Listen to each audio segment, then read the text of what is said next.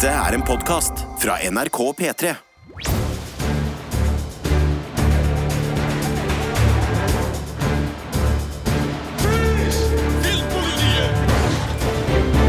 P3. For et TV-serieår det har vært! Og det er det vi skal ta for oss i uh, ukas episode av Filmpolitiet med Sigurd Vik i studio. Og Marte Henstad som programleder. Hallo, hallo. Hallo, og hallo. i dag så skal vi rett og slett uh, meske oss med det beste vi har sett på, på TV i år. Ja, uh, Indrefileten i denne podkasten er topplista, altså de ti seriene vi har likt aller best i 2021. Og må bare si det med en gang, det her er våre personlige favoritter. Altså de seriene som for oss har vært de beste serieopplevelsene. Eh, før det så skal vi si noen ord om serieåret som har gått, og så skal dere også få eh, vi ramser opp boblene, som det så fint heter. Altså de som nesten kommer. Eh, for vi vil jo gi folk så mange gode serietips som mulig. Eh, og så er det jo ikke til å komme unna at når vi nærmer oss eh, de gjeveste plassene, så har nok det her vært det året eh, på ei god stund, i hvert fall, Marte, hvor jeg og du har vært minst enige om toppen. Ja, det, har, det var litt diskusjon eh, for å bli enige til slutt. Og det var, det var litt sånn eh, forhandling, egentlig, eh, Ja, til slutt her. det, var- eh, det blir, det blir ofte det. Så, så det skal dere også få høre om når vi nærmer oss toppen.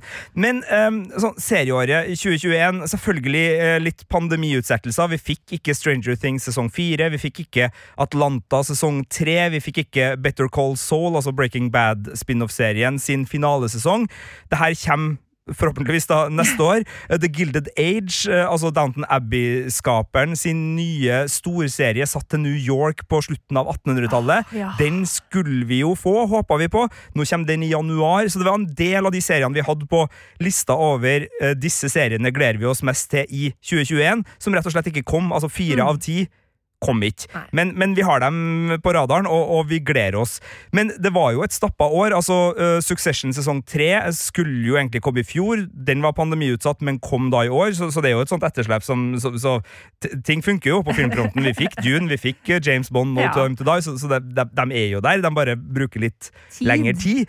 Uh, og så var det jo Eh, til tross for eh, liksom, uh, at det var kanskje mulig på en del serier å se at det har vært pandemiinnspillinger også, at det var noen serier som bar litt preg av det, Mm. så syns jeg jo at der kinoåret og, og filmbransjen nok har merka pandemien veldig godt, så har liksom strømmetilbudet og sofatilbudet på, på serier spesielt, da, også litt strømmefilmer, det, det har jo gått relativt som normalt, og vi får jo stadig Det har ikke vært manko å finne ting å se på. Nei, det kommer jo flere strømmetjenester, og det er eh, stor kvalitet. Altså, det har vært to Oscar-vinnende filmskapere som har laga sterkt drama i år. Uh, vi har fått nye måter å spise sukkerkaker på etter at uh, den store, liksom, ja, kall det seriesnakkisen, da, eller fenomenet Squid Game kom på, på høsten. Og, uh, har du bakt sånn sukkerkake og prøvd å spise det med nål? du, det har jeg ikke. Sånn honningopplegg eller sukker, eller ja, det var vel smelta sukker. Uh, jeg tenker at det sikkert eh, ikke er sånn kjempegodt. Jeg forbinder det med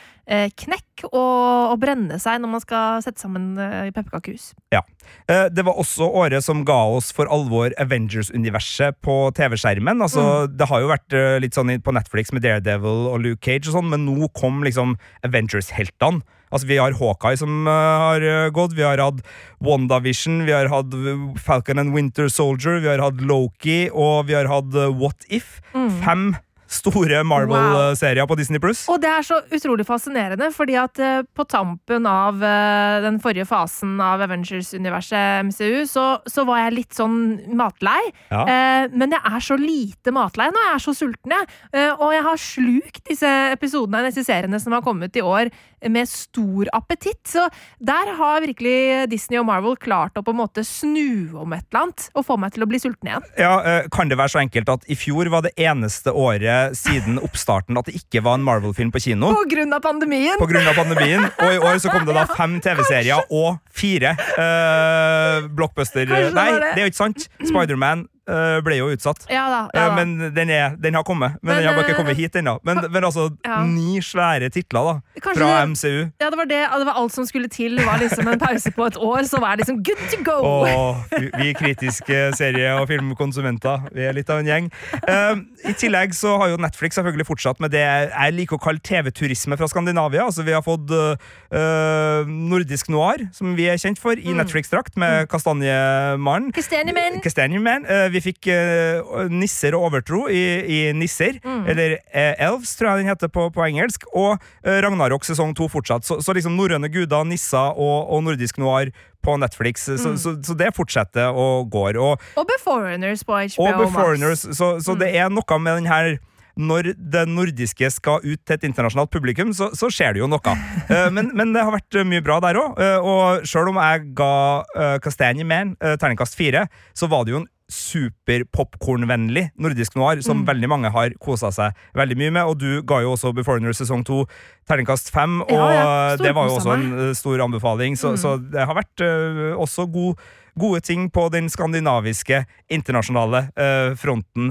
Eh, og så er det jo også sånn at um, sjøl da, om vi ikke har vært helt euforisk, så har jo vi to, Marte, endelig fått en fantasyserie som riktignok ikke er med på topplista Nei, i dag, det kan vi avsløre. Ja. men den var på toppen av gleder seg-lista, Mm. eh, og vi har jo skravla i flere timer enn serien har gitt oss Mm. gjennom en podkast. Da snakker vi om The Wheel of Time. Ja, altså det, den, den, den, Jeg ga jo The Wheel of Time terningkast fire, eh, basert på de seks eh, første episodene som jeg fikk se, av da åtte. Og jeg må jo innrømme at som stor fan av The Will of Time-bokserien, så satt den fireren langt inne. Eh, og fire betyr jo ikke at det er dårlig, det betyr at det er en bra serie, liksom, men det er ikke det er ikke en innertier! Eh, og det, det var jo det, det, det var et, eh, på en måte et slags vemod i meg da jeg trillet den terningen. Eh, men så mye glede vi likevel har fått ut av serien, i form av diskusjoner, eh, kanskje litt krangling, eh, liksom masse engasjement og Ja, altså, masse vi har jo hatt full innboks Ja. hele desember Det er eh, så på grunn av den serien her. Folk sender inn sine tanker og spørsmål om serien, og det er altså så gøy å på en måte få lov til å være en del av den store vennegjengen som ser på The Wheel of Time sammen. Ja, og eh, hvis du uh, ble skuffa når jeg sa at den ikke er på topplista, og at vi ikke skal snakke noe mer om The Wheel of Time i denne podkasten, fortvil ikke, fordi det ligger eh, mange, episoder. eh, og senest da forrige eh, episode, som ligger ute i appen NRK Radio, hvor Ja. du finner Wheel of Time-spesialen til Filmpolitiet, så der kan du gå for å høre akkurat hva vi ikke bare syns om sesongen, men også hver enkelt episode. Ja. eh, minutt for minutt, så å si. Ja. Det norske serieåret har vært knallbra. Altså, det har blitt eh, delt ut terningkast seks til, til Mm. norsk serie i år fra oss. Uh, vi har storkosa oss med Rådebank sesong to, med Nach, med Basic Bitch sesong to, som hadde en Halloween-episode som var helt fantastisk. Helt. Og Pernie, og det har vært Førstegangstjenesten, og det har vært Jordbrukere. Altså, det har vært veldig mye god norsk uh, serie i år, så, så også der så har det vært et skikkelig uh, en sofafryd uh, å, å følge med på alt. Delete me altså, nå, nå glemmer jeg folk, og det beklager jeg. Skulle ha skrevet ned i liste over alle de norske nå for å ramse opp de vi har likt, men det har vært veldig mye bra. Og så har vi noen selvfølgelig som vi ikke har anbefalt, altså Tiger King 2, The Crew, og hva fikk eh, Big Sky av deg, Marte Henstad? Eh, Hva, hva, var det en ener? Det var en ener. Helt eh, riktig. Eh, nå skal vi straks sette i gang på grunnen til at dere er der, nemlig eh, topp ti-lista vår. Men aller først så skal vi ramse opp eh, de som nesten kom med, og hvor dere kan strømme dem, sånn at eh, vi sender dere ut nå i, i siste del av romjula og, og helt på tampen av året. Inn mot liksom første helga på nyåret med rikelig med serietips i, Ja. i bagen. Og Dopesick på Disney Pluss er en eh, dramaserie med røtter i virkeligheten om eh, Oxycontin-pandemien i USA. Mm Ho- uh, Hacks er en komiserie på HBO Max om to komikere som på hver sin kant har blitt skvisa ut av bransjen, og som eh, ja, ikke er helt fornøyd med å være skvisa ut av bransjen. Hawkeye på Disney Pluss, superjulekomedie, helt action eh, Nå sa jeg det i feil rekkefølge, men dere skjønner greia. Invincible på Amazon Prime Video, animert superheltmoro i The Boys-tradisjon. Marte Hedenstad ga fem på terningen. Jeg har Storkosa meg med den. Det var et nydelig tips. Tusen takk, eh, Marte. Midnight Mass på Netflix, religionskritisk dramaserie med ypperlig skuespill og humør. Og ø, det verste bedehusgliset jeg har sett på lang, lang tid. Mr. In Between sesong tre, HBO Max, en sort komedie om en leiemorder i Australia. Helt nydelig. Tre sesonger. ø, Kjempe, kjempebra. Only Murders in the Building, en sort ø, humoristisk podkast-krimserie med Steve Martin og Selena Gomez. Altså, det var kjempegøy. Jeg storkosa meg med den. Det var nydelig. Det var på Disney pluss.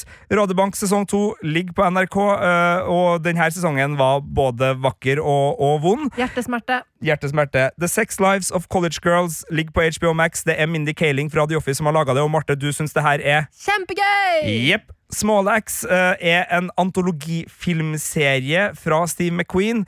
Den ligger i NRKs nettspiller og anbefales terningkast seks fra Birger Vestmo. We Are Lady Parts er også en serie du finner i NRKs nettspiller. Handler om et jenteband, og den var Nydelig. den var nydelig. Sjekk ut We Are Lady Parts. What We Do In The Shadows, vampyrkomedie skapt av blant annet eh, Taika Waititi, ligger på HBO Max. Og svenske Young Royals er den siste ut før vi går løs på topp 10. Ligger på Netflix. Og Marte Henstad, du likte den fordi Å, det var altså nydelig kjærleik eh, blant ungdommer som var vakkert å se på! Ja da, det Og var det hadde ingenting med at det var et kongelig drama Nei, med nei, nei. pr prinser og ingenting kronprinser og Nei, nei, ingenting ok. Den var god. Det var altså uh, boblene, men nå gyver vi løs eh, på lista, og Altså, og så må jeg bare si, hvis du nå får litt sånn der bakoversveis av alt som ble ramsa opp nå, eh, du finner eh, denne lista tilgjengelig også i skriftlig format. Det gjør du. Ja. Eh, Den heter 2021 Årets beste TV-serier og ligger på p3.no filmpolitiet. Yes. Eh, Men ikke gå dit riktig ennå, da, for her får dere jo eh, lista i podkastform, eh, som kanskje ikke er mer Ja, Jo da, bare gå, bare sjekk ut lista på nett. La oss gå i gang. Ja. Filmpolitiet På P3. Så da er vi altså på den gjeve topp tieren. Yeah. Vi går i gang rett og slett med tiendeplassen, og der er det en serie som jeg dessverre ikke har fått sett ennå. Så det her er din eh, liste på akkurat dette punktet, Sigurd. Ja, eh, den, den måtte med, fordi The Underground Railroad, som da serien heter, eh, som er tilgjengelig på Amazon Prime Video, den var en av årets store dramaopplevelser for min del, og uh, på sitt beste så har den noen av de sterkeste TV-øyeblikkene jeg har sett i år. Den har eh, noen klimaks, eh, det er på ti episoder, og, og når du nærmer seg klimaks der, så, så er man virkelig sånn Wow.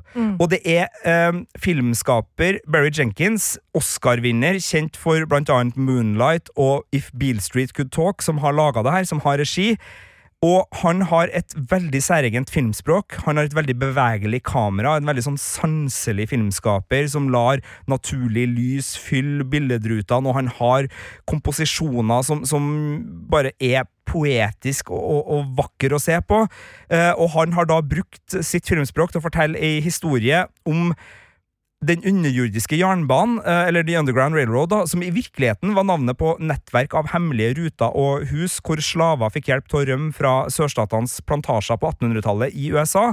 Men i denne oppdikta historien, som da er basert på Colson Whiteheads eh, Pulitzer-vinnende bok med samme navn, så har de her rutene blitt til en faktisk underjordisk jernbane, eh, og vår hovedperson Cora Randall, spilt av Tuso Mbedu, nydelig spilt av Tuso Mbedu, bruker da denne jernbanen til å flykte fra lenkene på vei mot friheten, og så er hver episode en ny by og en ny grotesk form av den amerikanske rasismen, for det er jo den amerikanske rasismens røtter som blottstilles her, og, og den er ikke så enkelt som at det var lenker og det var slaver. Her uh, får vi se uh, hva et mm, elendig, men- eller mange ulike elendige menneskesyn kan, øh, hvordan det kan utspille seg, og hvordan det kan fungere, og, og da blir det liksom både smilende og såkalt hyggelig rasisme, eller ikke såkalt hyggelig, men altså sånn påtatt hyggelig Ja. rasisme, øh, faktisk fangenskap, øh, faktisk liksom plaging, men også sånn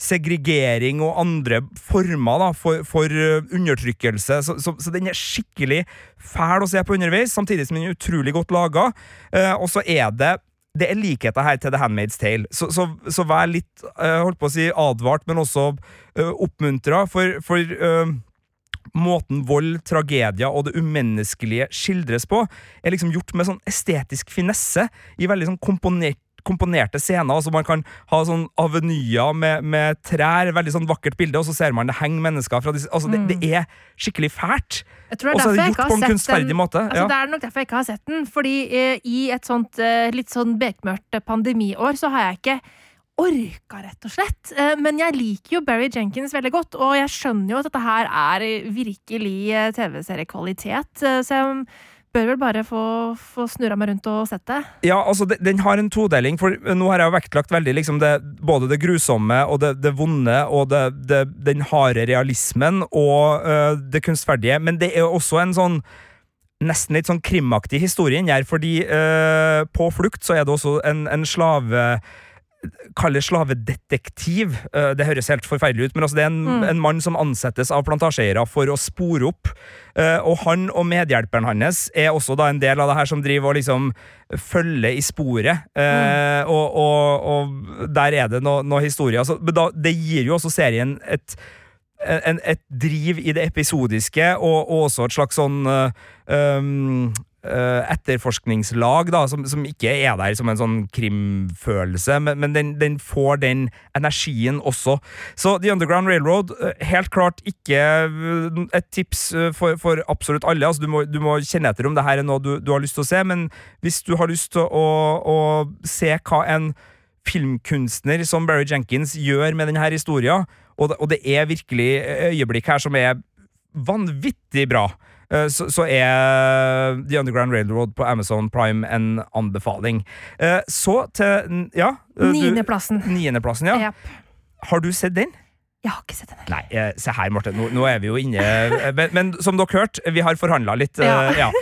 Niendeplassen har jeg anmeldt, jeg har sett og jeg har kosa meg med den. Det er det veldig mange andre som har gjort også. Den er på HBO Max. Det er en prestisjekrim fra HBO mm. med Kate Winslet i hovedrollen og Jean Smart i en av de beste birollene. Og det er da Mare of Easttown, uh, som er nesten litt sånn nordisk noir-aktig. Irriterer meg at jeg ikke har sett den, ass. Ja, den, den, den, ja. den må du bare se. Ja. Denne er litt seigere og litt mer sånn uh, Litt mer drama enn de mest sånn Altså vi snakka om Kastanjemannen, som er liksom krimserie der alle trykkokerne er skrudd opp på mm. maks hele tida. Det er underholdningskrim.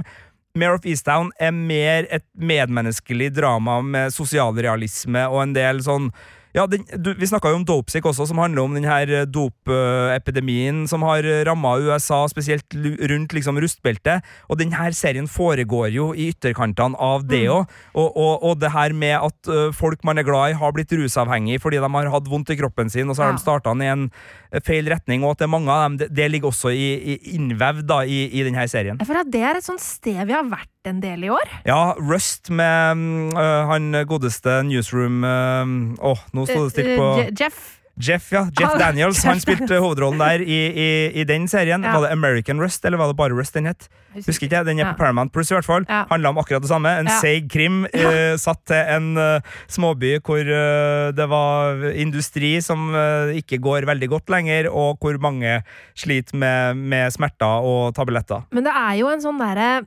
stemningsskapende plass å være på disse der, litt sånn, de småbyene hvor ting går litt trått og det er litt grått. Ja, og, og her spiller jo da Kate Winslet Mare Sheenan, eh, som da er en politietterforsker i en småby hvor eh, skillene mellom jobb og privatliv mm. nesten ikke eksisterer. Hun har eh, hatt en familietragedie.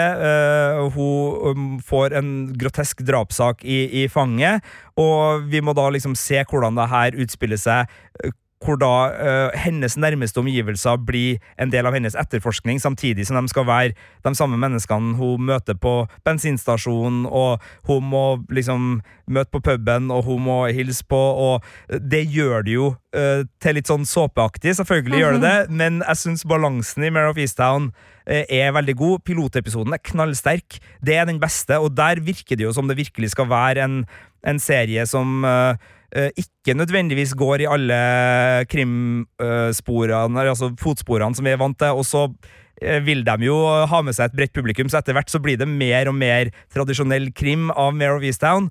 Uh, men jeg syns de liksom tåler den balansen. Altså, har du digga Top of the Lake sesong Mm, én? For mm. det, sesong to var litt uh, mindre god, men sesong én var, var veldig god. True Detective. Ja, jeg altså, hvis, det, hvis det. her er liksom Mm. din uh, serietekopp uh, når det gjelder krim, så er Mare of Easttown på HBO Max en, en soleklar anbefaling. Ja, Så bra. Eh, Da skal vi videre til åttendeplassen, og det er en TV-serie som innledet eh, Marvel-året for oss eh, i år, nemlig WandaVision. Eh, og det var en spesiell affære. Jeg husker ikke helt hvor mange episoder det var jeg fikk lov til å anmelde. Det var tre episoder. Eh, og basert på de tre episodene så var det litt sånn vanskelig å få grep om hva denne serien skulle være. Fordi innledningsvis så virka det å være en sånn slags reise i TV-serienes historie. eh, Med helt forskjellige uttrykk eh, fra diverse tiår Ja, i hver episode. Sitcom fra 50-tallet, Ja. første episoden. Sitcom fra 60-tallet, andre episoden. Ja. Sitcom fra 70-tallet, tredje episoden. Og, og alt var liksom veldig forseggjort og utrolig sånn for alle som hadde studert medievitenskap Mm. i USA med sitcom som eh, spesialfagfelt, så må det ha vært en drøm.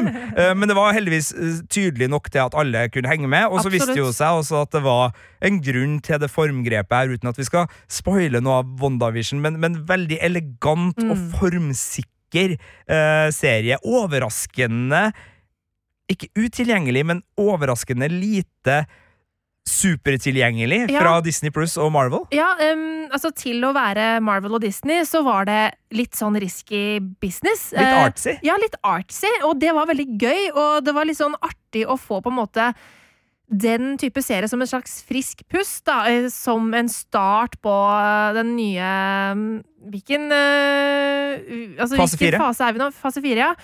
Og, og det er jo da Wanda Maximoff som selvfølgelig er hovedrollen her, og vi følger henne i, i denne litt sånn suburban ja, forstads-husmorrollen. Og så lurer vi jo selvfølgelig veldig på hvordan hun har havnet der. Fordi vi skjønner jo at det er noe som ikke helt er som det skal etter da eh, hendelsene i Avengers-filmene. Ja, Vi skal ikke spoile for mye her, men Avengers Endgame, som da jeg tror fremdeles er den mest innbringende kinofilmen noensinne. Hvis ikke Uh, noen sånne reruns av Titanic eller av, Nei, Avatar, var det vel. som fikk fikk noe ja. Kina Så, så det er mulig de eh, akkurat der. Men i hvert Ja. fall, i, i de siste årenes mest innbringende kinofilm slutta jo på en måte som skapte store traumer for Mm. hovedpersonen her. Ja. Og, og det er jo hennes prosessering av disse traumene som fungerer både på et øh, TV-serieplan fordi vi får god tid til å være med Wanda, som er en kjempeinteressant Avengers-figur, som, Mm. som det øh, er øh, kult å, å henge sammen med, og hennes historie åpner opp dører som Avengers-universet kanskje ikke har tatt seg så mye tida til å være på, akkurat som Hawkeye eh, også eh, liksom tok seg tida til å være en mye mer sånn normal og gatenær Ja. eh, serie. Samtidig så lot det jo også hele MCU få en liten pustepause og muligheter til å sette opp en del ting som har vært viktig, og som jeg tror, uten at vi har fått sett eh, den eh, siste Spiderman og den neste Doctor Strange-filmen, muligens er kjempeviktig for den neste fasen. For du var litt tom etter Avengers-sagaen Ja. hadde endt med, med, in, altså Infinity Stein-jakta. Eh, de trengte liksom å, å få det i gang, og noen av de seriene vi har fått i år, som for eksempel Falcon Soldier Nei, Winter Soldier eh, Falcon and the Winter eh, Soldier. takk, takk.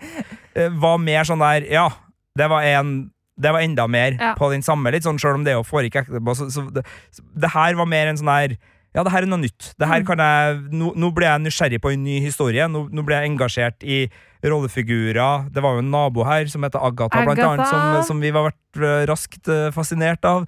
Så, så jeg syns WandaVision var den mest vellykka Eh, av de eh, nye Marvel-seriene, selv om det har vært jevnt høyt nivå på Absolutt. det. Og så syns jeg det er sånn som du sier òg, at det, det tar det litt ned. Uh, uh, og tar det liksom Det jeg liker både med WandaVision og med Hawkeye også, er at eh, den tar seg tid til å vise oss litt konsekvenser ja. av all den derre superheltactionen som har skjedd. Folk får faktisk traumer av, av ting her. Folk blir faktisk skada. Eh, og det syns jeg både WandaVision og Hawkeye har eh, belyst da, på, på god måte. Så eh, WandaVision, åttendeplass. Eh, Disney pluss. Disney pluss. Eh, på syvendeplassen så skal vi over til noe helt annet, eh, nemlig It's a Sin. Ja. En eh, serie som kom på starten av året, eh, er vel en samproduksjon Er det mellom BBC og HBO? Det Den tror jeg. Den kom i hvert fall på HBO her, eh, men er vel opprinnelig da en britisk eh, BBC-serie. Laga av serieskaperen som eh, også har gitt oss Doctor Who, Years and Years og, og flere andre kvalitetsserier. Snakker da om Russell T. Davies. Og det her er da en veldig fartsfylt, eh, sprudlende og vemodig historie om eh, da aids epidemien ramma Storbritannia på 80-tallet. Eh, det er ehm, det, det er så kontrastfylt her. Altså, Ja. Musikken, dansegulvene, den frekke britiske humoren og rollegalleriet her er elsk, elsk, elsk. Og det, det bare liksom det, det sprenger hjertet av glede og humør og nydelige mennesker og nydelige rollefigurer. Og så er det her da satt opp mot at folk dør, at folk blir syke, at folk er usikre, redd. Det er fremmedfrykt, det er homofobi, det er det konservative Storbritannia på 80-tallet med alt det fæle som folk gjør med hverandre når de er i, i en sånn konservativ boble hvor de må liksom øh, ta avstand fra ting som samfunnet anser som ikke riktig. Og, og, og Stephen Fry spiller en rolle her som, som også både er veldig god, men også får det til å knyte altså det, ja, Neil Patrick Harris er med. Altså det er så utrolig mye gode skuespillere, det er det, det kjernegalleriet her altså, jeg, jeg ga fem, men jeg, jeg føler at det nesten ikke gir øhm, det, de yter ikke serien rettferdighet. Jeg vet jo hvorfor jeg ga terningkast fem. Den, den er veldig glad i montasjer. Den er veldig glad i en del litt sånn cheesy grep. Altså, det var sånn, og, og den har noe sånn i formen som gjorde at jeg, når jeg satt der og skrev, så ble det fem og ikke seks. Men på sitt beste så er jo det her uh, en helt fantastisk serie. Er ikke du enig, Marte? Jo, altså, den er både hjerteskjærende og enormt provoserende i, i hvordan eh, spesielt da eh, homofile blir behandla, og med tanke på hvordan Ja, både helsevesenet og Ja. politiet. Nå ble jeg sint igjen! Spesielt helsevesenet. Ja. Eh, det, er, det er helt ekstremt provoserende Ja. hvordan det her var. Samtidig som den også er altså helt sånn derre Ja, den sprudler over av livsglede, og den er helt sånn herlig og bare sånn gledelig. Eh, Den, ja, den har så utrolig mange lag. Eh, så den Enormt stort hjerte i den serien her. hjerte, og, og den er nok laga av øh, folk som øh, har akkurat det enormt store hjertet Mm. for både epoken som skildres, problematikken som skildres, menneskene som skildres. mm, Så ja, nei, det blir nesten litt tremolo på stemmen her, fordi det er altså som er grein. Eh, Ja, det er en utrolig rørende Ja. serie. Det er en utrolig fin serie, og på HBO Max ligger It's a Sin, og det er en anbefaling, sjøl om den da øh, bare havna på sjuendeplass. Øh, øh, det, ja, det, det er en anbefaling. Og så var det altså Channel 4 som hadde laget den. Beklager at jeg tulla med BBC her. De skal ikke få kred for den. Channel 4, tusen hjertelig takk, Marte. Men faktisk så var det sånn at BBC One uh, declined to develop the series, ifølge Wikipedia her. Så ja, da vet du. Det, det kan dere angre på, BBC! Ja, og så driver jeg og reklamerer for dem lell og later som det er de som har gjort det. Fytti rakkeren. Det her er ikke god seriejournalistikk. Beklager. Men på HBO Max, i, HBO Max i Norge, altså. Og ja, eh, hvis du ikke har sett den ennå, så er det en varm, varm anbefaling. Eh, På sjetteplass så finner vi en serie som eh, ble eh, påvirket av pandemien, som var utsatt et år, men som endelig kom med sin tredje sesong nå i høst. Succession. Ja. Sesong tre av Succession starta litt Ikke dårlig, men uh, med en følelse av repetisjon. Mm. Altså, det her har vi sett før, uh, for det her handler jo da om uh, Logan-familien, som sitter på toppen av medienæringskjeden i USA.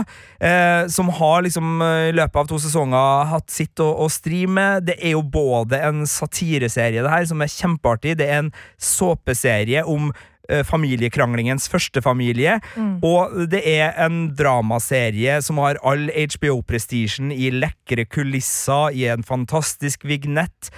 Og så er det satt da i kontrast til de barnsligste, teiteste kranglene og fæleste menneskene osv. Og, så videre, og, så og jeg starta jo litt sånn um, forsiktig på Succession. Jeg ga vel terningkast fire til de første episodene. Ja, for Du trodde det skulle være en litt annen type serie, eller? ja, altså det, det kommer jo fra Adam Mackay som produsent. Jeg tror Will Ferrell også er med på, på Ja. produsentsida her. Og det skulle liksom være en satireserie, ble det sagt. Og i starten så leita jeg litt etter satiren, da, fordi det Mm. var barnslig da og sånn, men, men jeg, jeg, jeg fikk liksom ikke helt grep på den der blandinga mellom såpe og satire.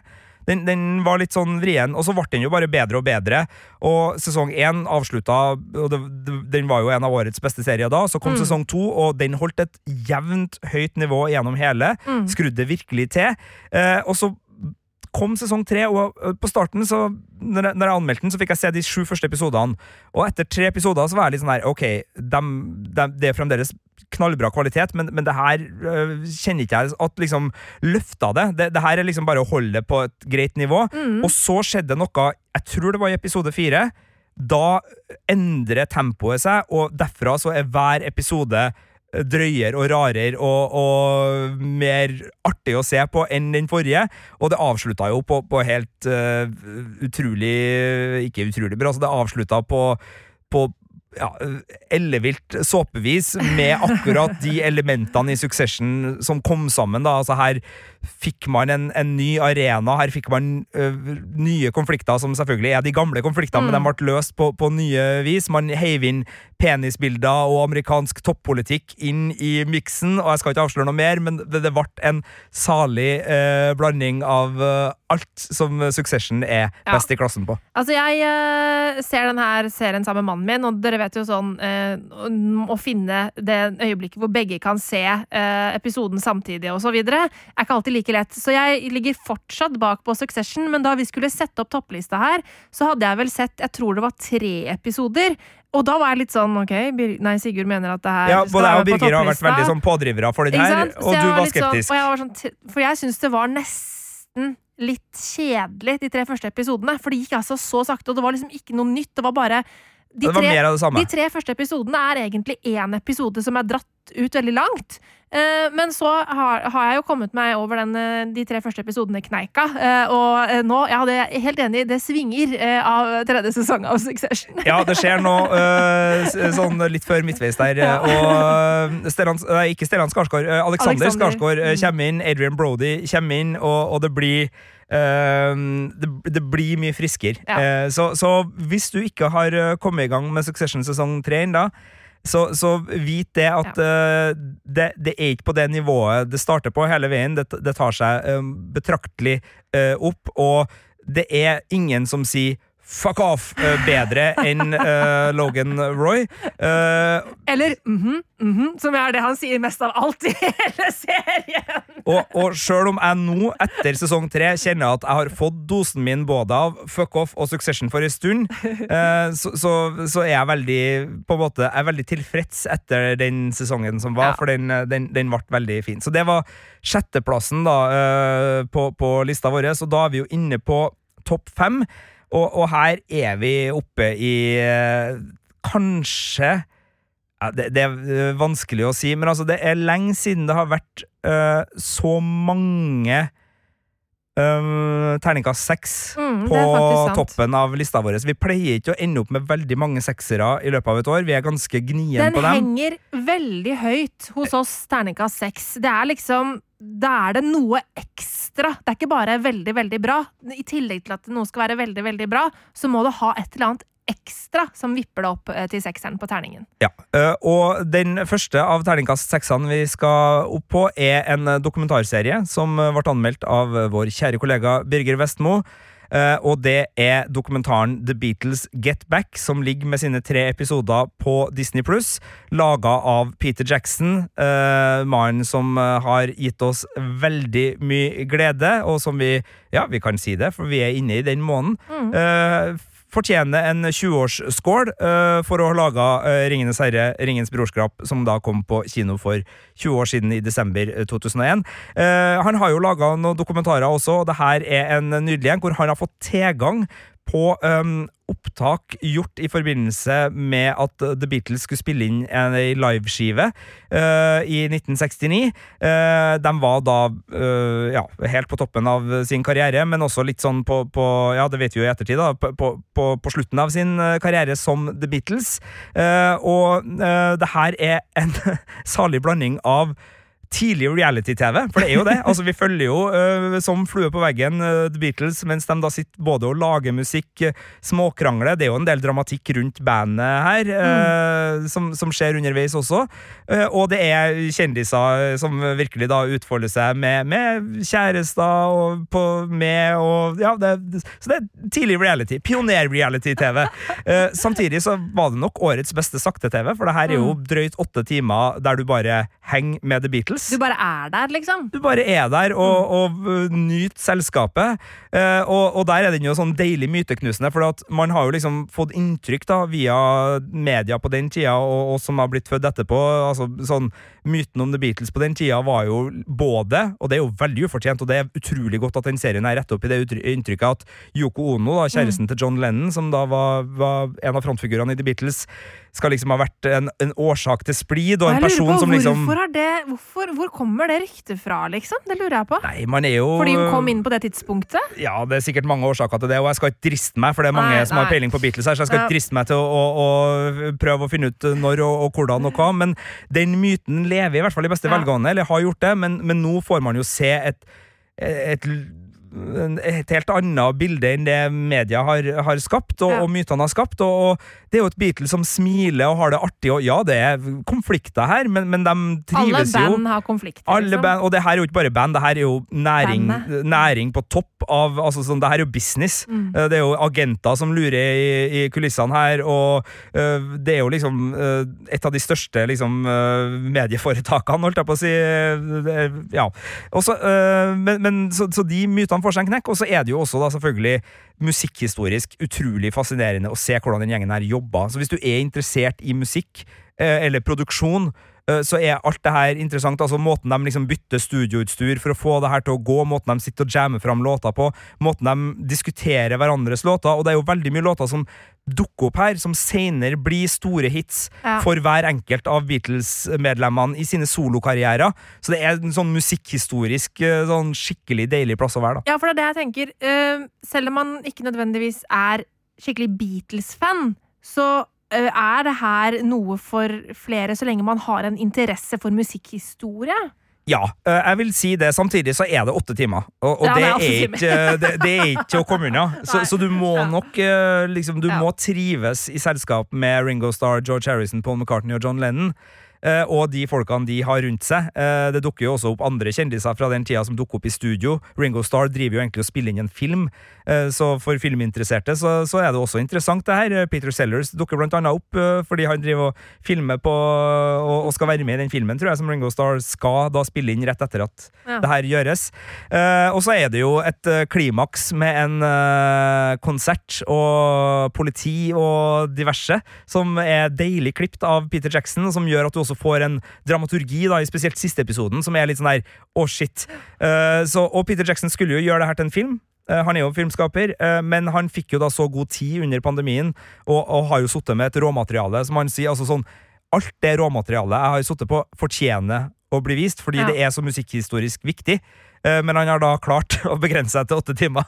Ja, for han har eh, jo enda mer materiale. Det er jo helt vilt mye. Sånn 100 timer eller noe. Ja, jeg tror det var 60 timer med bilder og 90 timer med lyd. Altså, det, det, var et eller annet uh, ja. Det er mulig jeg husker feil der, men det var, det, det var mye. Det, var mye. Og um, det, det, er fascinerende, altså. Så, så um, det er selvfølgelig en et must for enhver Beatles-fan eller fan av 60-tallsmusikk eller uh, rockehistorieinteressert person. Mm. Uh, og så har den kvaliteter som også gjør den veldig god for andre. Og som musikkhistorisk dokument altså det her har vært et år hvor vi har fått utrolig mye gode historiske musikkdokumentarer. Altså The Velvet Underground-filmen om The Velvet Underground som uh, Todd Haynes laga, ligger på Apple TV Pluss. En kjempefilm. Eh, Summer of Soul. Eh, som er laga av Questlove, altså trommisen eh, som eh, har eh, debutert som uh, dokumentarfilmskaper, så vidt meg bekjent, med denne filmen om en uh, festival i Harlem, New York i 1969, var det vel. Så å si samtidig som Woodstock, men hvor filmrullene har ligget bortglemt, og dermed så har festivalen blitt bortglemt. Men for svart musikk på, på 60-tallet så er det her Altså, det er så utrolig mye sterke konsertopplevelser i den filmen. Ligger også på Disney Pluss. Anbefales på det aller varmeste. Kanskje en av de aller sterkeste og beste filmopplevelsene mine i Oi, såpass, eh, ja. 2021. Summer of Love. Sjekk den ut. Uh, det er noe, det er noe konsertframføring av deg som er altså wow. Å, så gøy. Den er en godbit. Og så kommer da Peter Jackson med The Beatles Get Back i tillegg. Så eh, hvis du er glad i, i 60-tallet og, og interessert i hvordan musikken utvikla seg på 60-tallet, så er de tre nesten en sånn deilig treenighet av fantastiske filmskapere som lager utrolig gode dokumentarer eh, om eh, utrolig god musikk og, og interessante musikere. Så ja, det var The Beatles eh, Åh, Get Back eh, på Disney pluss. Eh, Og fra Disney Pluss så skal vi rett og slett over til Apple TV Pluss. Eh, Det er jo så mange strømmetjenester som heter Pluss nå om dagen. eh, Og der så skal vi til Ted Lasso. Og det her var en TV-serie som eh, du anbefalte meg da første sesongen eh, kom. Ja, den var på topp, altså Første sesongen var også på topplista vår i fjor. Ja. Eh, Den eh, kom, kom med der, og det, det var jo en serie som har sine an, altså som, som kommer fra en uh, sketsjopplegg-greie som Jason Sudeikis laga da nå må jeg huske riktig nettverk, men det var et amerikansk nettverk, var det NBC? Nå husker jeg ikke helt, som skulle øh, kjøpe Premier League og vise Premier League USA.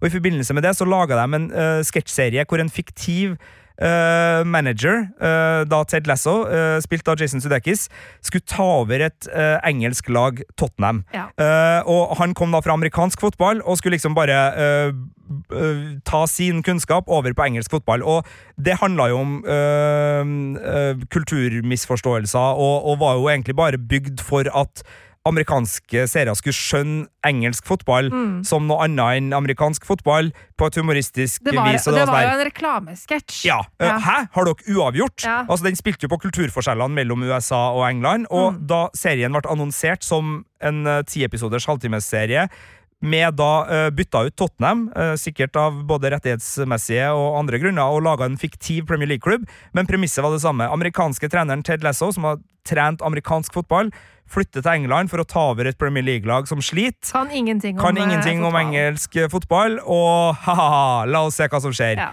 Det var utgangspunktet for en serie som ble så mye mer veldig kjapt. Fordi det her var jo den mest hjertevarme, koseligste serien som handla egentlig bare om mennesker og hvordan vi behandler hverandre, og hvorfor vi er trasige mot hverandre, og hvordan vi kan slutte å være trasige mot hverandre, og hvordan vi kan slutte å være trasige mot oss sjøl, og som var liksom oppriktig. Altså, det er jo så mye i humor som er liksom ha-ha, uh, tongue in cheek, eller altså, som er satire, eller som er litt slemt, eller som har et offer for vitsen. Altså, det er noen som er liksom på, på den kalde Mm. tapende sida av uh, vitsen. Mm. Her gikk man for humor som var inkluderende, og som var trivelig, og som selvfølgelig uh, hadde snert og, og alt det der, men, men det var jo bare kos. Ja, og du sa jo til meg da, eh, etter den første sesongen, at dette her, du kan se den her, Marte. Det er ikke sånn at du må være interessert i fotball, for jeg er jo på ingen måte interessert i fotball, bortsett fra når det er VM. Som noe du hater. Men, Nei, det er ikke, det er ikke hat. Det er bare fascinert. Ja.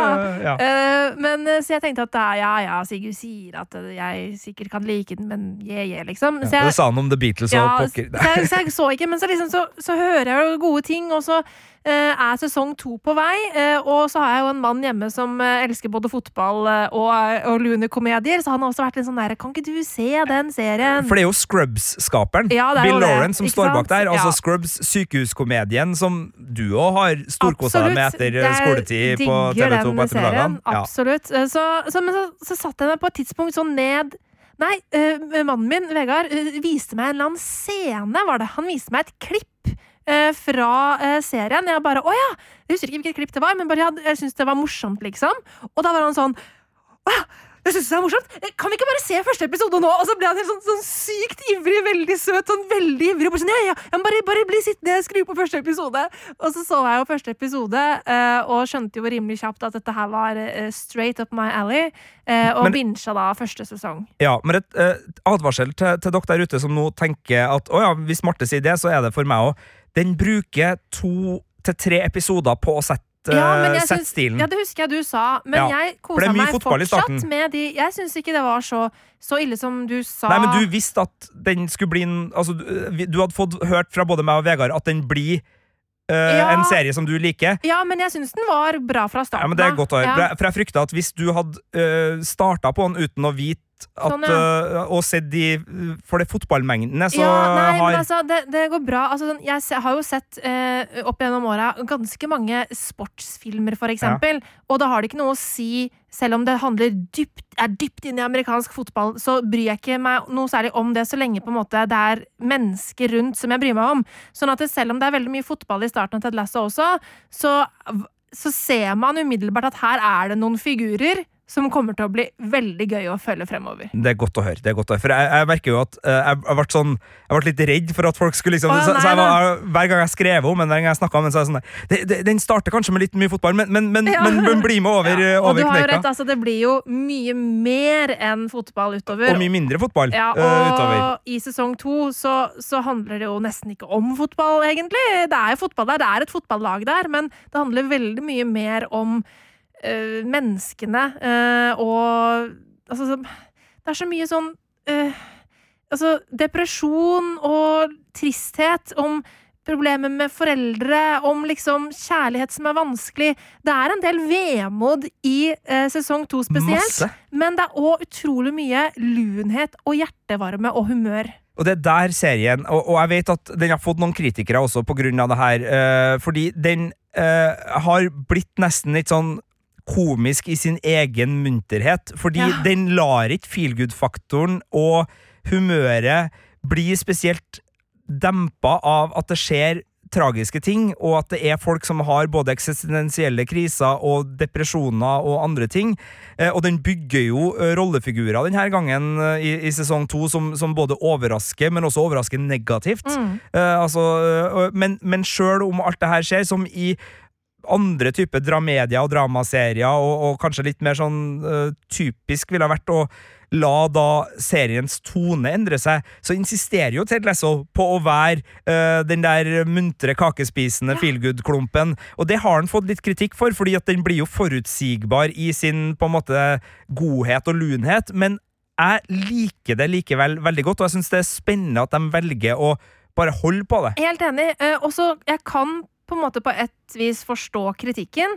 Samtidig så syns jeg at ja, det er et eh, valg at de har liksom valgt å holde på den lunheten og holde på humøret. Men det er jo også noe rollefiguren Ted Lasso selv gjør veldig spesifikt. Altså, og sånn er det jo med mange som eksempel sliter med ulike psykiske problemer. Altså utad så trenger ikke det nødvendigvis å synes. Og det er noe jeg syns også Ted Lasso speiler. da.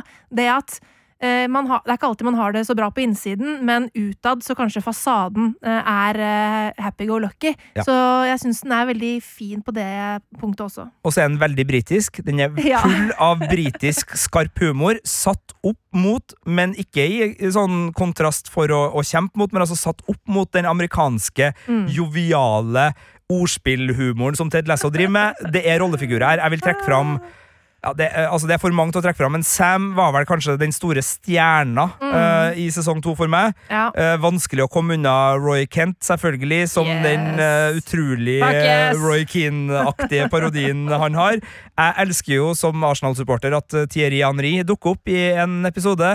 Coach Beard har en nydelig enkeltepisode. Uh, Keeley er fantastisk Altså, det er et rollegalleri her. Ja, og som Dani man- Roja! Åh, football is life! Ja, nei, altså det er, Nå blir vi reklameplakat her, Marte. Nå må vi tone oss ned. Vi er, vi er så å si på toppen av eh, topplista for 2021. Men eh, nei um, Og juleepisoden, Ja, det er, å, det er den kom i august. Det er jo helt krise. ja, men helt en av de triveligste eh, og mest inkluderende og rauseste og fineste episodene TV om eh, den lille Uh, altså en, en familie i, i eh, administrasjonen, Mm. eller altså en som jobber i administrasjonen, som alltid har hatt et lite juleselskap hvor det ikke har pleid å komme så veldig mange. Så skal ikke avsløre noe mer, men altså, det er liksom utgangspunktet for en episode som blir Altså, Og nå fikk jeg lyst til å se den, bare den episoden igjen. Bare Ja. for å, ah, Den er kjempefin. Den, altså, selvfølgelig skal du det, Marte. Ja. Det er fremdeles jul. Ja, er du skal kose deg med jeg tror det er episode fire sånt, eh, ja. av eh, Ted Lasso sesong to, som da er på fjerdeplass uh, på vår toppliste over de beste seriene fra 2021. Og da klatrer vi opp på pallen, uh, og på tredjeplassen så finner vi det som eh, ifølge oss er den beste norske TV-serien i år. Ja. I et veldig sterkt uh, norsk uh, serieår så er det her uh, den eneste som har fått terningkast seks. Mm. Og det gjorde han med all tydelighet, for så vidt jeg husker overskrifta, Marte, for det var du som anmeldte den her da den kom. Jeg elsker Pernie. Ja. Og nå ble jeg umiddelbart rørt bare av å begynne å snakke om det her, fordi uh, Pernie er en TV-serie som Hva skal vi kalle det? det er, jeg vet at den vant eh, Seriekritikerprisen for beste komiserie. komiserie, men jeg stemte på drama! At den skal være beste dramaserie. Så det er et komidrama eller en dramedie.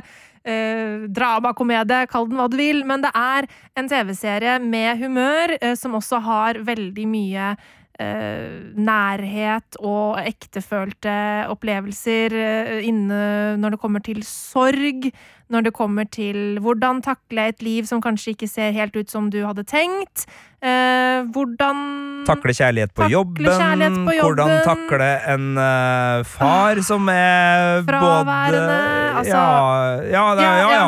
Eh, flere, flere fedre. Flere fedre flere farsfigurer her. Det er, eh, det er en serie om det å være menneske. Ja. Eh, og Pernie spilles da av Henriette Stenstrup, og hun er en eh, barneverns... Eh, hva heter det? Barnevernspedagog eh, som eh, ikke klarer å slippe jobben når hun går hjem. Hun møter så mange skjebner eh, på sin jobb som hun tar med seg videre i livet, og jobben er livet hennes. Samtidig så må hun balansere det her med tapet av en som har stått henne nær, og en familie som ikke alltid har det like lett. Nei, og, og rausheten som liksom ligger som en sånn der varm Pulserende strøm av Mm. kjærlighet og godhet øh, er liksom øh, ankeret mitt når jeg ser Pernie, samtidig som den tør å vise hvor utrolig utfordrende livet kan være på, på alle vis. Med, øh, ja, det, det er en serie det er lett å ta seg et vinglass til, uten Mm. at det er en oppfordring. Men er Absolutt. altså sånn, den, den, den treffer nok alle litt øh, fordi den, den har et rikt rollegalleri med, med forskjellige aldersgrupper og forskjellige problemstillinger, og, og en, øh, en holdning til medmennesker, Ja. og, og liksom en sånn vilje til å forstå mennesker som, som gjør Mm. en utrolig lett relaterbar, sjøl om man da ikke nødvendigvis er i samme livssituasjon som Pernie Mm. eller noen av de andre, for så vidt, men, men altså sånn, det der er sånn, ja, en sånn type problemstilling skjønner man og, og kjenner seg igjen i. og ja, det, øh, og så har den liksom øh, Altså, det er en serie. Øh, den har episodiske elementer. altså den eh, Spesielt den amerikanske serien er jo veldig glad i å liksom ha litt sånn gjentagende ting. Eh, skal ikke snakke veldig mye om eh, serien eh, Boston Legal akkurat nå, men det er en sånn klassisk eksempel på at Ja. etter hver episode så møtes eh, James Spader og eh, eh, og hjelp meg, Star Trek, eh, William Shatner Ja, på balkongen for Ja. å liksom debrife litt eh, ukas episode. Og sjøl om Pernie ikke går helt dit, så har den også noen sånne elementer om hvor man liksom finner små lommer Mm. til å liksom som eh, ha med i hver episode. Eller, jeg husker ikke hvem er med i hver episode, men, men eh, spesielt bil, Det er sånne små pusterom Ja. hvor uh, Pernie kan få litt, litt tid til å være for seg sjøl, og hvor Ja. vi også får da tid til å reflektere over det som har skjedd. Akkurat det, Mm. og, og det syns jeg Pernie har løst på en måte som ikke er klisjeen, Mm. som da er øh, whiskyglass mellom James Bader og William Shatner på, på tampen av hver Boston Legal-episode, men som allikevel fyller den funksjonen. Ja. uh, og som, som liksom, det er akkurat som du sier, gir oss de rommene da, sammen med vår hovedperson, Mm. hvor vi liksom kan kjenne på de identifikasjonene og, og ja, puste sammen med, med, med Pernie. Ja, og det er jo da Henriette Stenstrup som spiller hovedrollen, og det er jo da Henriette Stenstrup som har skrevet hovedrollen til seg selv. Hun debuterer jo her både som manusforfatter og som serieskaper, Eh, så Pernie er jo rett og slett bare litt av et verk eh, fra Henriette Stenstrup, eh, og uh, Henriette Stenstrup så Jeg sliter alltid litt med å uttale det jeg beklager, men eh, det er rett og slett en fantastisk fin serie. Den er lun, sår, trist. Jeg lo høyt, men grein også ut trynet mitt, liksom. Det er en helt nydelig serie som eh, du virkelig bare bør få sett hvis ikke du har sett den ennå, og den eh, ligger på Viaplay. Så til serien jeg eh, putta øverst på lista eh, da jeg skulle sende over forslaget til hvordan lista skulle være til deg, Marte. Eh, Ja. for det var jeg som liksom satt med, med det administrative rundt den her. Eh, og da hadde vi jo begge liksom stemt eh, og krangla og, Ja, og styra litt. så mente du ut av liksom eh, at ut ifra regnestykket hvor vi begge hadde plassert denne serien, så mente du da at dette skulle være førsteplassen. Ja, pluss at jeg mente jo at det var den beste serien. Ja, ja, du hadde den på eh, din så- personlige ja, førsteplass. Så, så derfor så var det naturlig å, å putte den på førsteplass, men den havna da til slutt på andreplass. eh, etter at uh, det ble uh, diskutert uh, mer eh, heftig enn det pleier. Eh, men eh, så, så, sånn er det. Eh, det er allikevel eh, en fantastisk eh, serie. Helt fantastisk. og Reservation Dogs på uh, Disney Plus. Sa vi at uh, Pernie lå på Viaplay? Ja da, ja Ja, vi da. gjorde det, ja. Mm. ja. Uh, og at Ted Lasso lå på Apple TV Plus. Det, det har vi sagt. Ja, ja, ja. Men Reservation Dogs ligger på, på Disney Plus og er en sorthumoristisk serieperle full av underdog-perspektiver og opprørsk energi og fantastisk musikk og et øh, knippe unge skuespillere, som da teller fire, som øh, bare har vært det kuleste jeg har sett på, på skjerm i år. Uh, det her er en serie som Kjem igjen da fra Taika Waititi, regissøren av Thor Ragnarok og Jojo Rabbit, som også har vært med og skapt uh, What We Do In The Shadows-universet. Han har sammen med Sterling Harjo, som er med i et humorkollektiv uh, av eh, gode hjelpere, laga en tilbakelent, frisk og kul serie som er både fjasete sketsjhumor, kvass samfunnskritikk og mange stemningsfulle blikk på sosiale problem. Og den er da satt til et reservat i Oklahoma, USA, og, og bruker da USAs elendige behandling av den nordamerikanske urbefolkninga som tematisk bakteppe, eh, og, og har da mye på hjertet der, eh, samtidig som den eh, handler da om noe så liksom, holdt på å si umiddelbart gjenkjennelig som fire ungdommer som da drømmer seg bort, og som prøver å få tak i nok penger til å flytte til solfylte California. Så den der drømmen om å dra vestover uh, for fire ungdommer, altså de, den kunne ha vært i en liksom hvilken som helst ungdomsserie Absolutt. når som helst i USA, men når den plasseres her inn i det her universet, uh, hvor da de sosiale uh, rammene på reservatet blir brukt, fordi her er det snakk om en halvkriminell gjeng som også bekjemper kriminalitet, Mm. og som prøver liksom å, å få hverdagen til, til å gå opp eh, med, med alle ditts utfordringer, enten det er i helsevesenet eller det er eh, veldig vonde ting som selvmord, for det, det handler også serien om, og den handler om Uh, fremmedgjøring, den handler om forhold til foreldre, den handler om forhold til tradisjoner, den handler om forventninger som settes til deg, det handler om uh, hvordan du forholder deg til vennene dine når du kanskje opp innser at dine mål i livet og vennegjengens mål i livet ikke er nødvendigvis helt forenlig. Så den har så utrolig mange fine perspektiver, mm. samtidig da som den er en komedie eh, i både sin sjel og sitt humør, og, og en opprørsk en sådan. Absolutt. Og selv om jeg krangla om førsteplassen, så er jeg jo helt enig i at Reservation Dogs er en helt nydelig serie, ja, som jeg har storkosa meg med. Og uh, mye av det er jo, er jo den firerbanden som vi, vi følger, som er bare en helt herlig gjeng av ulike figurer.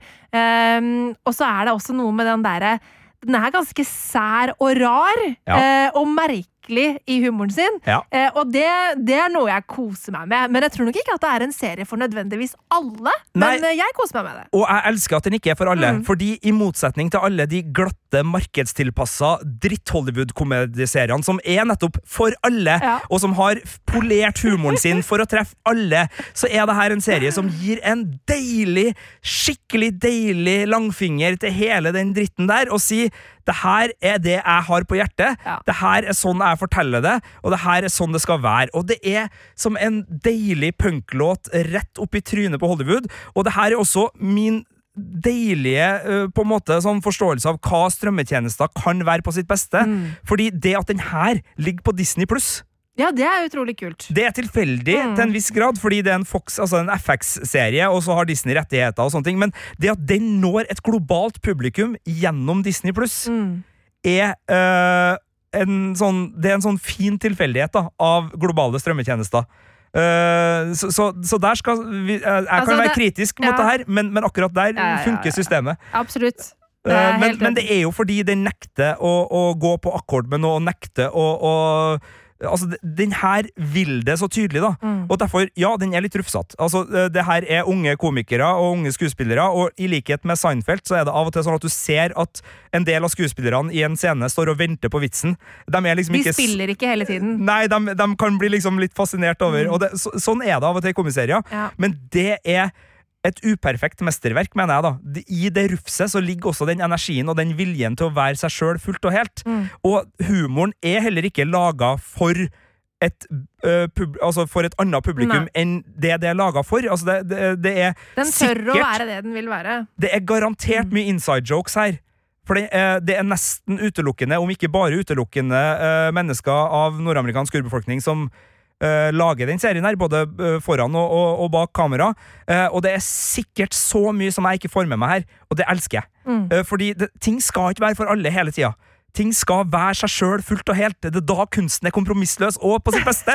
Og det her er selvfølgelig uh, selvmotsigende å sitte og si uh, av og til for en seriekritiker som stort sett uh, vaser i ferdigfordøyd søtsuppe av kommersiell underholdning på alle de internasjonale strømmetjenestene. men det er allikevel en viktig ting å ha med seg, og alt skal ikke være sånn. Alt skal ikke være som Reservation Dogs. Av og til så skal man lage The Crew, NASCAR-komedie med Kevin James i hovedrollen på Netflix. Fytti rakkeren, ikke se The Crew. Men, men, men det at det er rom til sånne her Mm. personlige Det er litt det samme med Pernie. Det er en personlig serie. Merker det at det her er en serie som er sånn som den er, fordi den kan ikke være noe annet enn akkurat det. Det er den personlige historia. Og det er så nydelig, og det er jo litt sånn den førsteplassen vi skal til òg. Som jeg, Jeg heller ikke er uenig i at er på, på førsteplass, sånn egentlig, men jeg, for meg så er Reservation Dogs en soleklar anbefaling.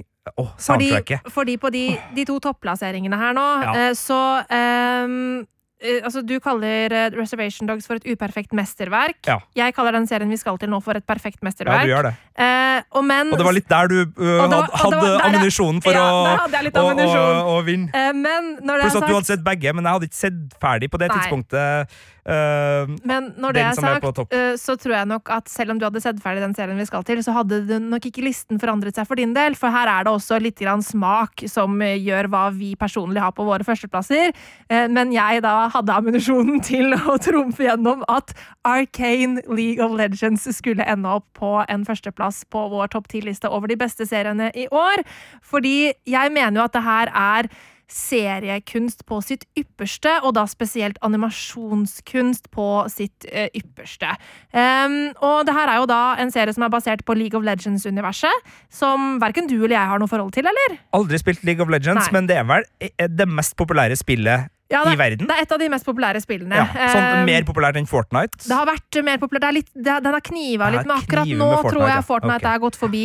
Men uh, League of Legends er dritpopulært, uh, og jeg har ikke spilt det fordi det er en um, et type spill som Jeg er ikke så fan av Moba-spill. Jeg er ikke så god på strategi og sånn, eh, så ja, det er ikke helt min greie. Så da Arcane kom, så gikk den litt sånn forbi oss på hva vi valgte å prioritere for å anmelde. Ja, og det er jo litt for at Netflix de, uh, lager jo veldig mye. Og de lager også en del som er Nå har de jo begynt å lage spill, men de lager også en del spesielt animasjonsserier som Ja. Er liksom veldig for uh, de subkulturene som skal nås. Og det digger jeg. Igjen, da, i tillegg til det som ja. Reservation Dogs, altså det at i det her internasjonale strømlandskapet så er det plass til nisje, det er plass til liksom Du er en undergrunnskultur eller en subkultur, og det her er for deg, Mm. og ikke sånn at det her skal være din for alle. Det her er kun til deg. Eh, Det, det er kompromissløst til dere som elsker det. Ja. Og eh, de har jo til og med øh, øh, Pokémon-serier, nye Pokémon-serier. Har ikke de det på Netflix? Altså, det, er, er- det er så mye som kommer, så da vi så den her, så var vi litt sånn her Ok, den her merker vi oss. Men vi prioriterte ikke å anmelde den uh, da den kom ut, fordi vi var litt sånn avventende. Vi, vi, vi hadde den på lista, men vi tenkte sånn, det der må vi nå se hva. Hvis det bare er for League of Legends-fansen, Ja. så uh, kanskje vi ikke tar tak i det i en travel anmelderhverdag. Må vite hvor det er mye film og, og serier som skal anmeldes. Og så tror jeg nok at den er ganske kompromissløst laga for League of Legends-fansen. Men i likhet med sånn som for eksempel Skam, eh, som på en måte hadde, som da lagde en TV-serie veldig spesifikt rettet inn mot en veldig tydelig målgruppe, jente 16, eller hva det var, eh, så så treffer det av og til bredere, eh, selv om det sikter på liksom en pinpoint på målet. Fordi det er ekte. Fordi og det er ikke øh, Nei da. Ja, og det som er da, at League of Legends er da det som forteller origin-storyen til to av eh, League of Legends sine største champions, eh, mest populære rollefigurer, Vinks og uh, Nei, Vinks. Jinx og Vi. Um, og vi følger da disse to i det som er liksom deres barndomsår, eh, hvor de eh, bor da i en sånn slags undergrunnsby i det fattige, det, altså fattige strøket av Pill Tower, hvor da de stjeler for å overleve. Um, og Pilltower er en by hvor liksom sånn å, vi er liksom prosperous, eh, vitenskapen, og skal liksom styrke oss i fremtiden. Vi er et demokrati. Det er vestkanten. Altså, ja, ja. Eh, Skrudd til på alle vis. Altså, det er bare privilegier over Veldig- hele fjøla. Og veldig sånn, selv, sånn fortreffelige i sin egen, Ja, eh, i sin egen storhet. Eh, Men, Og, og grunnen til at folk er fattige, er ikke for det, det er deres feil. Ja, ikke sant? Ja, ja, ja. det er sånn- Det er ikke, de, de der folka som bor i undergrunnsbyen Zon, de, er, uff. vi må ikke Uff, menge oss med de, Nei, for de er liksom Å, de der farlige, de oss, fattige folka der. Drit i dem, liksom. Eh, sånne må man holde seg unna. Um, og det er jo der da uh, gjengen uh, Vi og Powder, da, aka Jinx, holder til, med, sammen med i vennegjengen i Milo og Clagger. Og det det settes opp til, da, er at det, i dette universet her, eh, som er litt sånn steampunk-aktig, hvor det er både liksom sånn på sånn steampunk-vis, og et lag av magi, så tar de en tur over til den rike delen av byen en dag og skal stjele noen greier eh, for å gi fra de rike og, ta fra de rike og gi til de fattige. Um, og så stjeler de med seg noe som de ikke burde ha tatt.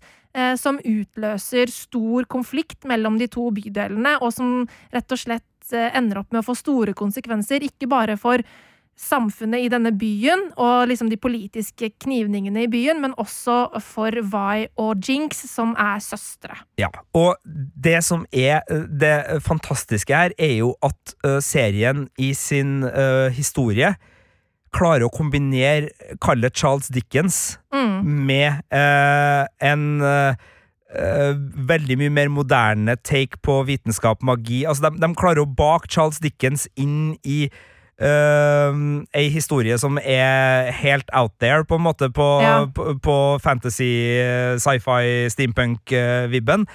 Og det, og det svinger av det. Det er liksom, det er, det er ikke anstrengt. Det er ikke, det er ikke noe øh, og, og da sånn, spesielt sånn type Oliver Twist, øh, Charles Dickens. Ja, ja. øh, da i, i, i øh, Ikke en julefortelling, Og- øh, Charles Dickens. Men, men, men øh, for, for jeg blir umiddelbart grepet av denne historien. Mm. Jeg har ingen kjennskap til det her øh, universet i det hele tatt. Eh, og jeg blir da også selvfølgelig veldig overraska underveis, fordi dem som spiller eh, League of Legends, vet jo mer om rollefigurene her, og, og hvor de havner, og sånne ting. For det er jo en tilblivelseshistorie. Men for meg som ikke gjør det, så er det sånn Hæ? Ja. Wow! Altså, det, det er skikkelig gode uh, vrier underveis i historien som, som fenger. Eh, og det her er jo bare snakk om det narrativet. Det er jo ikke bare der serien her begeistrer, for det er jo som du sier, altså, den er jo et mesterverk i stiluttrykk, og har jo også en del kvaliteter når det gjelder øh, verdensbygginga og, og rollefigurene, ja, altså, som er helt utrolig gode. Når det kommer til verdensbygging, så er det noe som er veldig viktig, spesielt i fantasy-serier eh, og egentlig science fiction-serier. Eh, Man må tro på det universet som, eh, som skapes, og det er ganske mange TV-serier og filmer som sliter med å få til det fra første stund, men det gjør Arkane bare helt sånn lett. Altså, jeg, det, det er en sånn Bare en reise gjennom byen eh, i første episode gjør at det universet setter seg veldig tydelig helt umiddelbart fra starten. Eh, og det er så detaljert. Det er så mange ting vi skjønner at det er en detaljrikdom her, som vitner om at dette her er et ekte sted.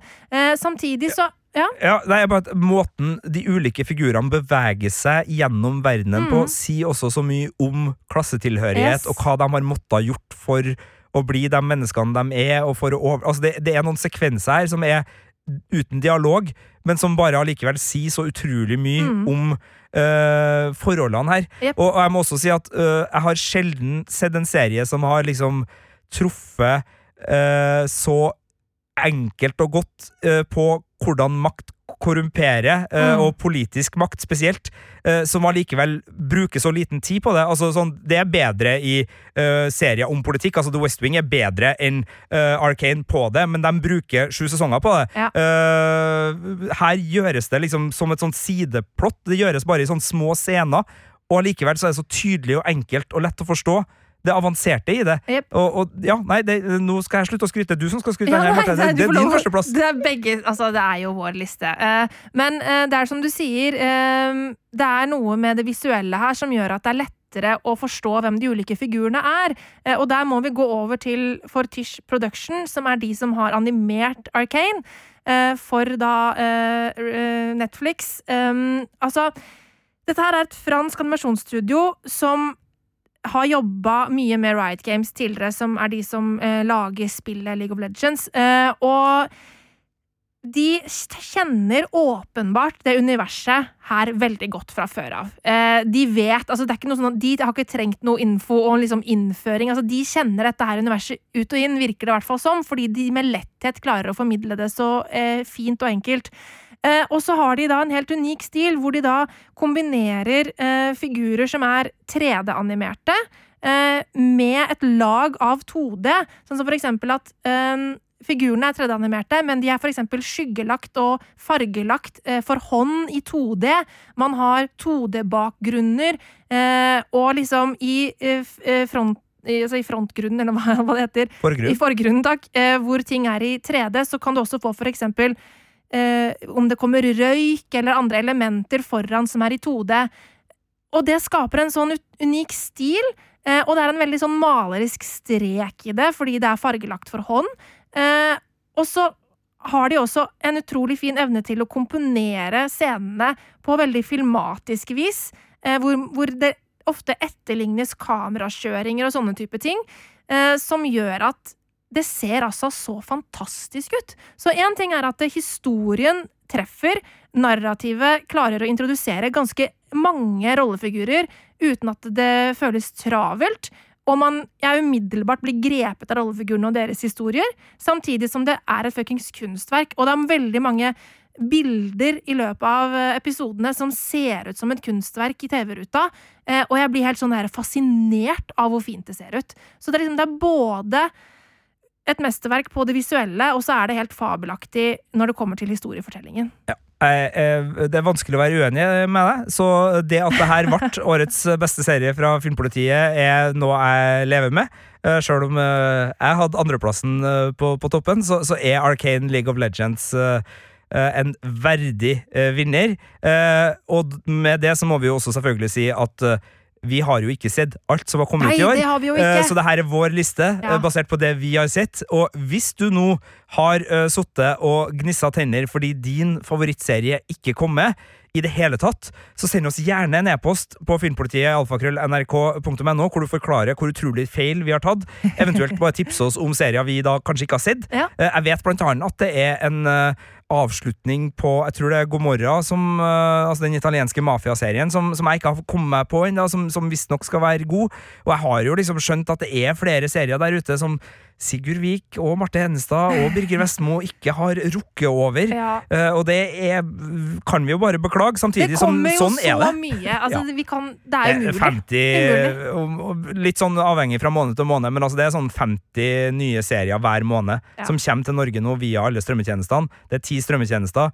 Det dundres på. Eh, Vi har det som fulltidsjobb sammen med, med filmen. Vi, vi gjør virkelig det vi kan for å prøve å holde oversikten, men vi skal være helt klink ærlige på at uh, akkurat som uh, en bokjournalist uh, vil få problemer med å holde eh, oversikt over alle bøkene som kommer ut, og en musikkjournalist vil ha problemer med å, å få med seg all musikken som kommer ut, så har selvfølgelig også film- og seriejournalister, spesielt nå eh, Mm. som eh, markedet har endra seg såpass siden 2012, da Netflix eh, kom, eh, og man gikk bort fra TV-kanaler og DVD-bokser, og at det var film kommer på kino, til at eh, strømmetjenestene byr på, på rubb og stubb hele tida, så, så er det jo en helt annen verden. Men vi håper jo da med sånne her lister som vi gjør nå, og den ukentlige anmeldervirksomheten, og at vi liksom prøver å finne det som vi i hvert fall mener at er verdt å sjekke ut og undersøke om er bra eller ikke, og, og, og si fra om hva som funker og ikke funker. Men det er klart, her er vi veldig eh, avhengig av oversikt og, og god hjelp, så, så bare eh, veldig lavterskel. Send e-poster til filmpolitiet at nrk.no og tips om serier som enten kommer eller som har kommet som dere mener at bør sjekkes ut, for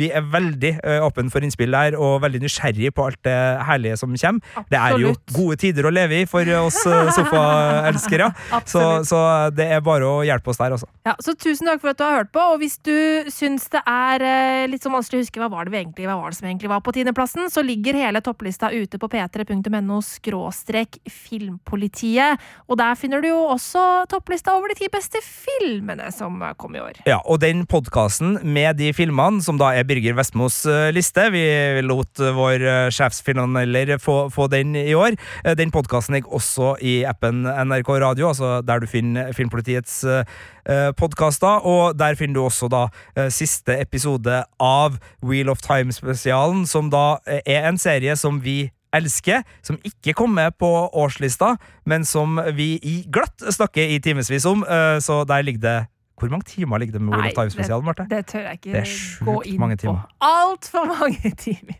Filmpolitiet.